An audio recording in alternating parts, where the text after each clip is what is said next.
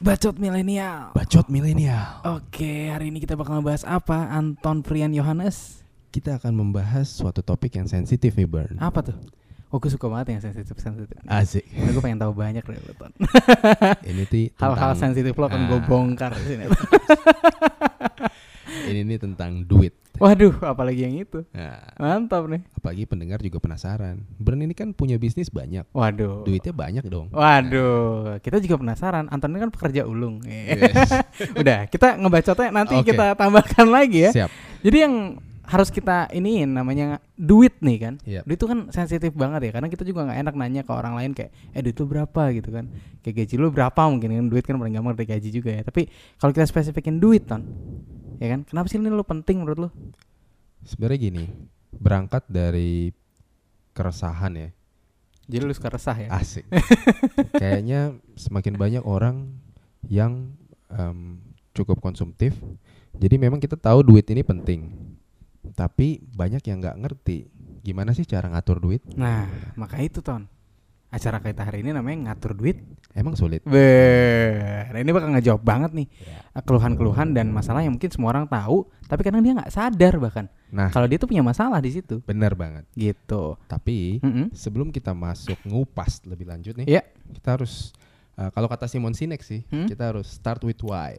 Start with why artinya Kita- mulai dengan kenapa. Kenapa? Kenapa dulu gitu kan? Kenapa sih kita mesti ngerti tentang ngatur duit? Oke. Ken- Kenapa personal finance itu penting? Oke. Kalau menurut gue sih Nah, eh, personal finance itu penting karena kalau misalnya lo nggak atur dan lo at least nggak punya patokan lah harus diapakan uang ini, ya ujungnya habis terus tanpa lo dapat apapun gitu. Hmm, Karena lo oke. spending spending spending dan apalagi karena kita milenial ya, kita kan suka banget wah ada barang baru nih. Apalagi sekarang kita makin gampang kan Iya. ke akses ke teknologi gitu kan. benar banget. Ya jadi makin cepat juga apalagi dengan promo-promo itu gitu. Cashback lah, kayak beli satu gratis satu lah, Iya, ya kan? makanya Nah, kalau menurut lo gimana? gue setuju banget. Kita kan semakin gede, semakin misalnya udah berkeluarga, makin banyak kebutuhan. Betul. Sedangkan meningkatnya kebutuhan bisa jadi tidak diiringi dengan bertambahnya uang, Betul. bertambahnya pemasukan. Iya. Oleh karena itu kan kita mesti Membernya nambah tapi uangnya segitu-segitu aja. ya. Nah, Iya. Iya. Berarti kan kita mesti punya strategi nih. Iya, iya, Gimana sih biar bisa ngatur duit? iya, oke. Nah, Siap. Nah, jadi kalau misalnya dari faktanya pun Ton, faktanya nih ya, Iya. berdasarkan World Bank, jadi di dunia ini tuh hanya ada satu dari tiga orang dewasa yang paham sama literasi keuangan. satu dari tiga Satu dari tiga, itu kan banyak ya, lumayan ya. ya? Iya. Dan kalau bisa dibilang nih, literasi keuangan berarti kan pengetahuan terhadap pengaturan keuangannya dia. Iya, benar banget. Nah, jadi kalau menurut lo nih, dari literasi keuangan di Indonesia sendiri, Ton, itu related nggak sih sama yang katanya World Bank ini di dunia? Nah, masih dari datanya World Bank, jadi untuk orang dewasa di Indonesia yang um, relevan atau ngerti tentang literasi keuangan itu cuman sekitar 20 sampai 25 persen. 20 sampai 25 persen. Sedangkan- 75 persen kira-kira nggak ngerti ya. Ya. Lebih dari dan mayoritas berarti kan. Mayoritas yang, berarti yang nggak tahu ngerti. minoritas nih. Nah, Oke. Sedangkan kalau kita lihat nih kayak di Australia dan di Amerika yang uh, orang dewasanya ngerti itu mencapai 55 sampai 75 persen. Waduh, kita kebalikan ya. Gede kan? Mereka mayoritas, kita minoritas yang ngerti. Berarti kan di sini kita harus lihat nih ada korelasi antara persentase yang paham tentang literasi keuangan Dan yang dengan tidak kem- paham. dengan kemajuan suatu negara. Iya, Berarti kan semakin maju suatu negara literasi keuangannya makin baik. Ya? makin baik. Berarti Iya. kan kalau Indonesia pengen jadi negara maju bisa kita simpulkan dong. Harus pinter sama literasi keuangan dia sendiri. At least minimal ngerti lah Nah, tentang literasi keuangan itu apa. Oke.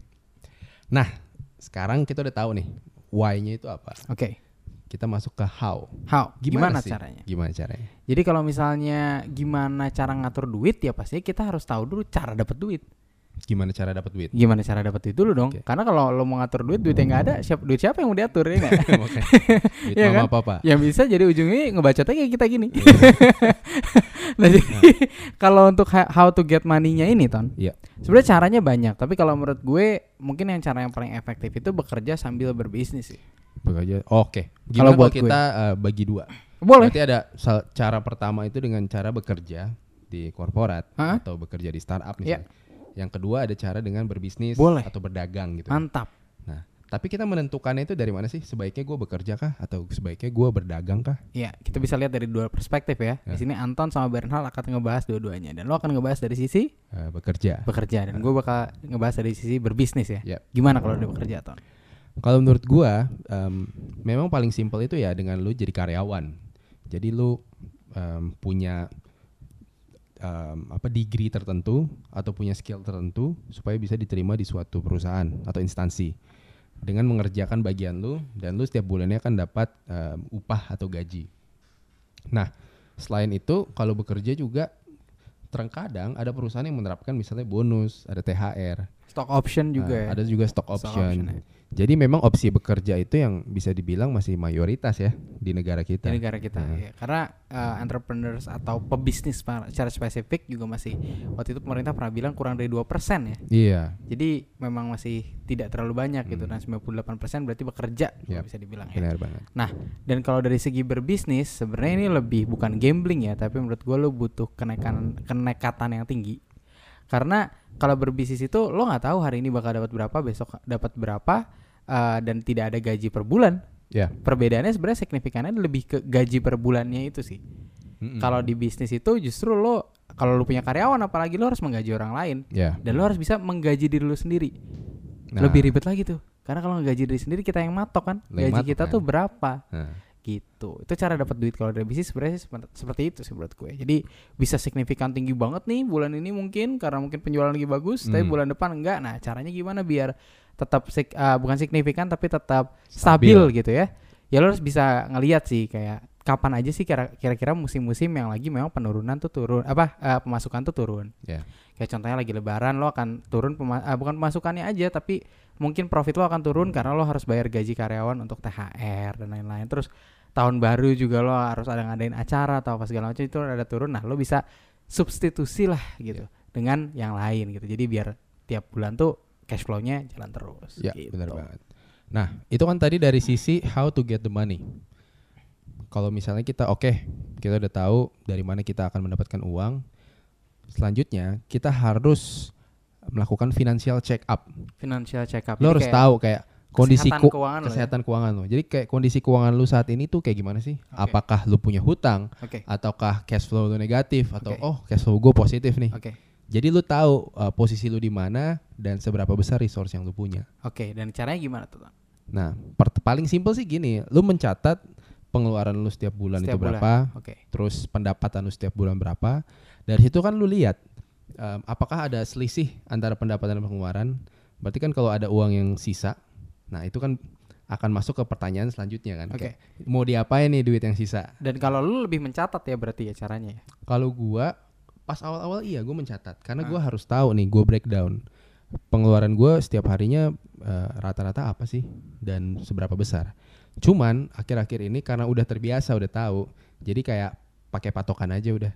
oke dan kalau gue sih biasanya nggak pakai mencatat Ton. Oke, kalau gue mematok mematok. beda nih. Jadi kalau gue eh, lebih kalau lo kan mencatat nih tiap bulan apa sih yang gue keluarin apa segala macam. Iya. Kalau gue biasanya gue patok sih. Jadi misalnya kayak dari 100% uang yang gue hasilkan dalam sebulan, 80% gue masukin investasi I see. Ah. misalnya, 5% gue masukin untuk tabungan berjangka, 5%-nya kemana. Jadi gue lebih ke matok di situ dan sampai uang untuk jalan-jalan pun udah gue patok. Jadi kalau misalnya duit jalan-jalan gue udah habis ya udah, gue nggak bisa spend-spend lagi di situ. I see. Gitu.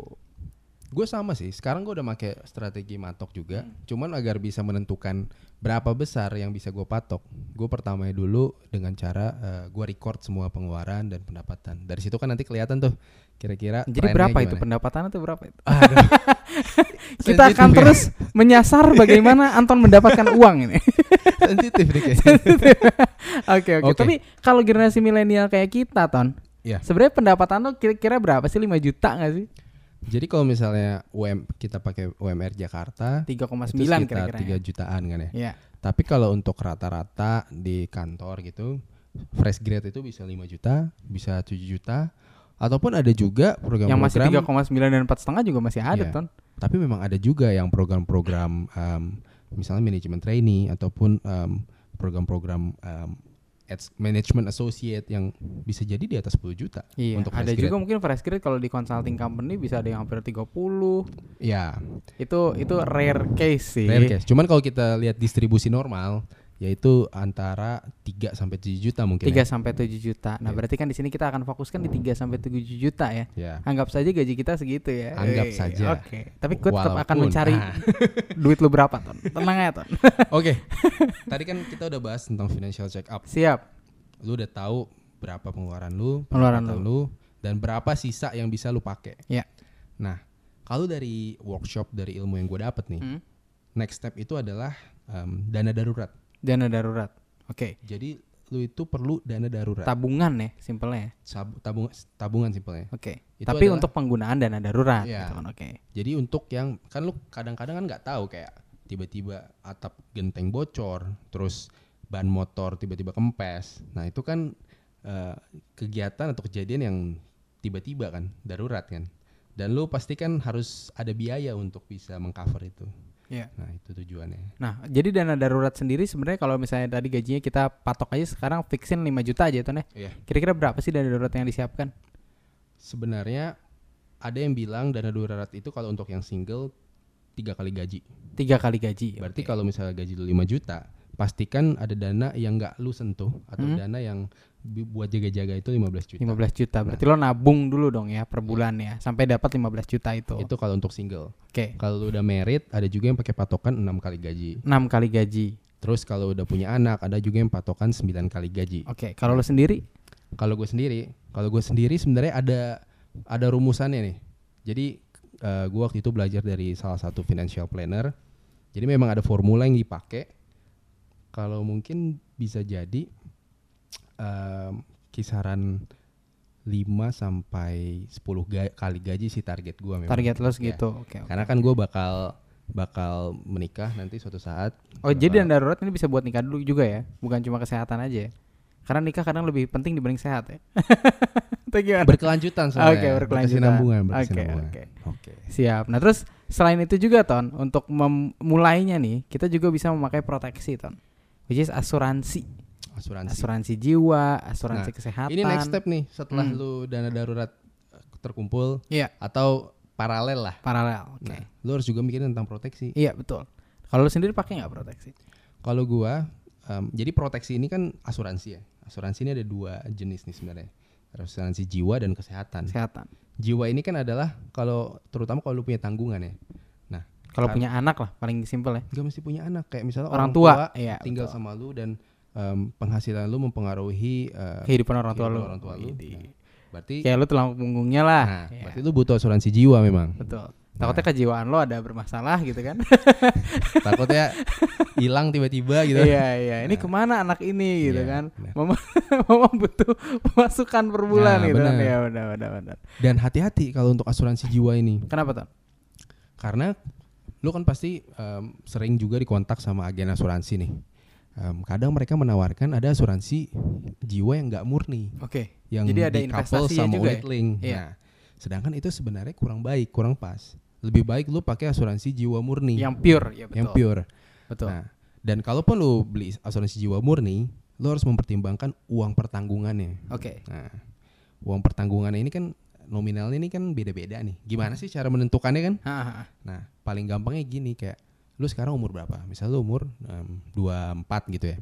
Nah, terus em, misalkan kalau terjadi apa-apa sama lu, berarti kan harapan lu adalah lu bisa em, sampai orang tua lu pensiun atau angka angka harapan hidup orang Indonesia kan rata-rata 70 tahun. 70 tahun. Misalnya orang tua gue sekarang umurnya 50 tahun. Iya, berarti lo sudah Berarti mempersiapkan gue dari harus sekarang. mempersiapkan dana untuk 20 tahun 20 mereka tahun ke depan. em, bisa survive. Iya.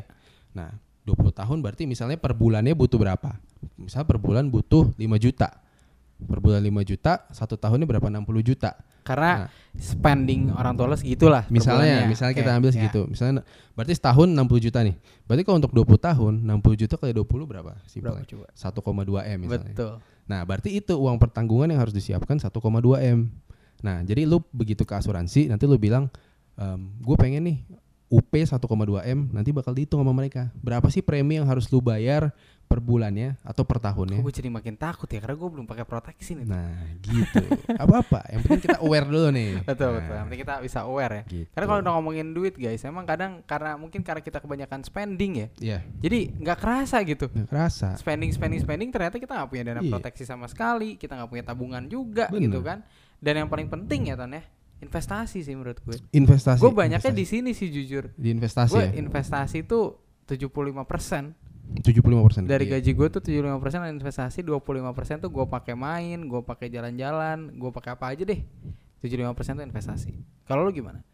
Kalau gua paralel sih. Jadi proteksi iya. Nah, investasi juga iya nih.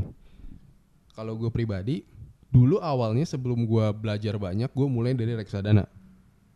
Ah, sorry. Jadi reksadana itu em gue punya uang, terus gua percayakan uang gua sama manajer investasi. Manajer investasi ini yang bakal ngelola uangnya. Oke. Nah, tapi sekarang semakin kesini gue belajar, oh ada opsi saham nih. Jadi gue langsung menempatkan uang gue di saham yang gue percayakan atau yang gue beli, kayak gitu. Jadi setelah reksadana lu saham karena lu Langsung investor saham. Iya. pasif lah ya istilahnya ya. Oke. Kalau gue lebih banyak soalnya kan yang kayak kemarin kita bahas kan, gue lebih banyak di real kan, Sektor real. sektor real. Jadi memang di sektor real ini resikonya besar ton, makanya investasi gue harus gede juga biar returnnya juga bisa jadi gede. Gitu loh. Oke. Selain itu, selain dari saham tadi, ada juga namanya surat berharga negara. Ya, obligasi ya, Ada obligasi, sekarang ada banyak namanya, ada sukuk tabungan. sukuk tabungan Nah, betul.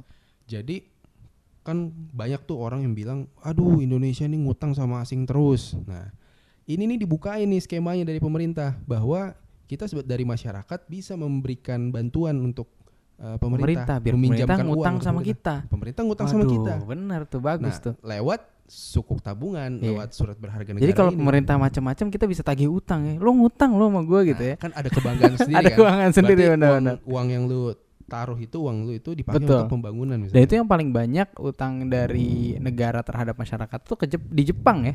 banyak banget. Banyak Nah, Iya. banget kan makanya dia kalau misalnya ekonomi tidak stabil di global, dia masih lebih aman. Iya. Sedangkan benar. di Indonesia kita banyaknya utangnya keluar. Utangnya keluar. Di global tidak aman, kita juga tidak aman. Makanya salah satu caranya adalah ya ya udah beli aja obligasi ini, investasi lah. Iya. Saya di obligasi ini gitu ya.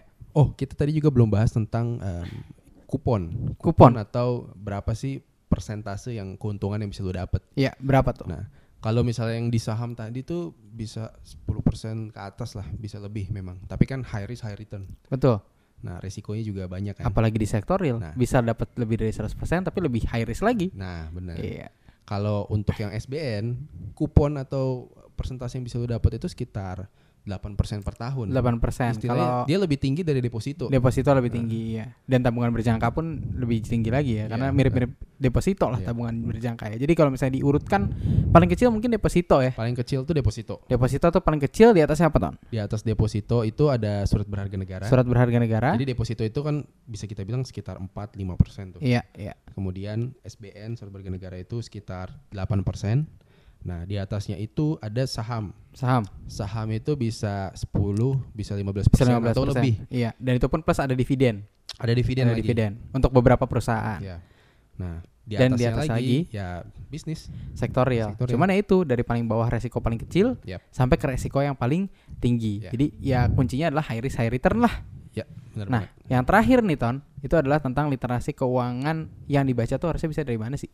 Nah kan pasti banyak setelah mendengar podcast ini penasaran nih kan. Gimana sih biar bisa meningkatkan eh, literasi gua nih? Ada banyak bu- medianya, banyak opsinya. Salah satunya misalnya artikel atau buku. Paling gampang gini nih kalau misalnya bingung nyari buku. Coba lu lihat di New York Times. Biasanya mereka tuh ngelis buku-buku finance yang populer atau yang the most eh, paling dicari lah. Oke. Bisa pakai itu patokannya. Atau pakai Harvard Business Review. Atau TED Talk juga bisa. TED Hmm. Talks juga bisa. TED Talk juga bisa. Mm-mm. Dan lo mungkin bisa Investopedia kalau pengen tahu lebih la- banyak lagi tentang Banyak literasi. Benar. bisa dari CNBC? situ. CNBC? CNBC. ah, Oke, Oke. kita promoin aja nggak apa-apa. sama ini juga kalau misalnya kayak aduh kayaknya gue juga tertarik belajar ekonomi makro nih kayak Tapi dari- how economic works gitu kan. Economic Works. lu bisa uh, lihat di YouTube itu videonya Ray Dalio Ray Dalio. Ah. Oke, atau lo kalau pengen lihat macroeconomics lo bisa lihat Crash Course. Crash Course Itu Iya, paling bener Hmm. simpel juga bisa dari situ. Dan kalau kalau misalnya podcast ton, ada nggak sih yang bisa denger selain kita ton? banget. selain kita. Selain kita. yang pasti kan utamanya kita dulu Oh iya. Asik. Kita dulu baru yang lain. bacot, emang. Bacot banget lo. kalau podcast gue banyak belajar dari 30 Days of Lunch 30 Days of Lunch. Oke. Nah, itu uh, Shegario sama Felix Sandro waktu itu ngundang Mas Akar Oke. CEO dari Juska Kalau gue sih kebanyakan Hmm. dari TED Talk sih. TED Talks ya. TED Talk tapi yang radio. Ada namanya TED Talk Hmm. radio. Itu gue lebih banyak dari situ sih. sama ini kalau account inst- account Instagram ya berarti Joska gue banyak belajar nih selama setahun lebih dari Joska ini karena banyak topik-topik yang memang mereka bahas di situ eh, selain buku mereka juga buka workshop tentang money class terus tentang st- stockgasm dan sangat-sangat bermanfaat sih menurut gue gue banyak belajar dari mereka Jadi yang paling penting guys dari semuanya sebenarnya ini kita udah sebutin cara-caranya nih. cara-caranya Tapi yang paling penting ya balik lagi lo mau mulai nggak? lo mau mulai nggak aksesnya itu udah banyak Aksesnya banyak, Ah, lo bisa benar. belajar di Google dari manapun. Tapi yang Eh. paling penting jangan cuma ngebacot doang. Jangan cuma kayak gue pengen investasi, gue pengen apa, tapi harus mulai. iya benar Gitu. Bacot tuh harus bermanfaat kayak kita. Asik. Mantap. kayaknya cukup padat ya Cukup Ini padat hari ini. banyak banget yang topik-topik berat yang kita bahas Betul, hari ini kayaknya. ya. Betul dan nanti topik next kita akan lebih padat tapi lebih simple dan lebih menyenangkan Iya. lagi karena next kita bakal bahas apa ton? Kita kan udah bahas tentang duit, udah bahas tentang karir. Teknologi Nah, juga. Itu kan ujung-ujungnya untuk memenuhi kebutuhan hidup keluarga, Iya. untuk pasangan kita. Iya. Nah, jadi kita akan bahas gimana nih untuk membina hubungan dengan pasangan atau dengan Aduh, keluarga. Nah. ini Anton bakal sharing banyak tentang pacar ya seperti yang sudah Anton ingin apa Ben dinikahi. Hardy? Iya. Kayak Bernhard duluan ya. Oh, kita tidak tahu siapa yang akan duluan menikah ya. Iya. Jadi tunggu uh, jawabannya di episode yang selanjutnya yaitu Um, relationship with millennials. Oke. Oke. Mantap. Mantap. See you guys. Thank you for Bye. listening.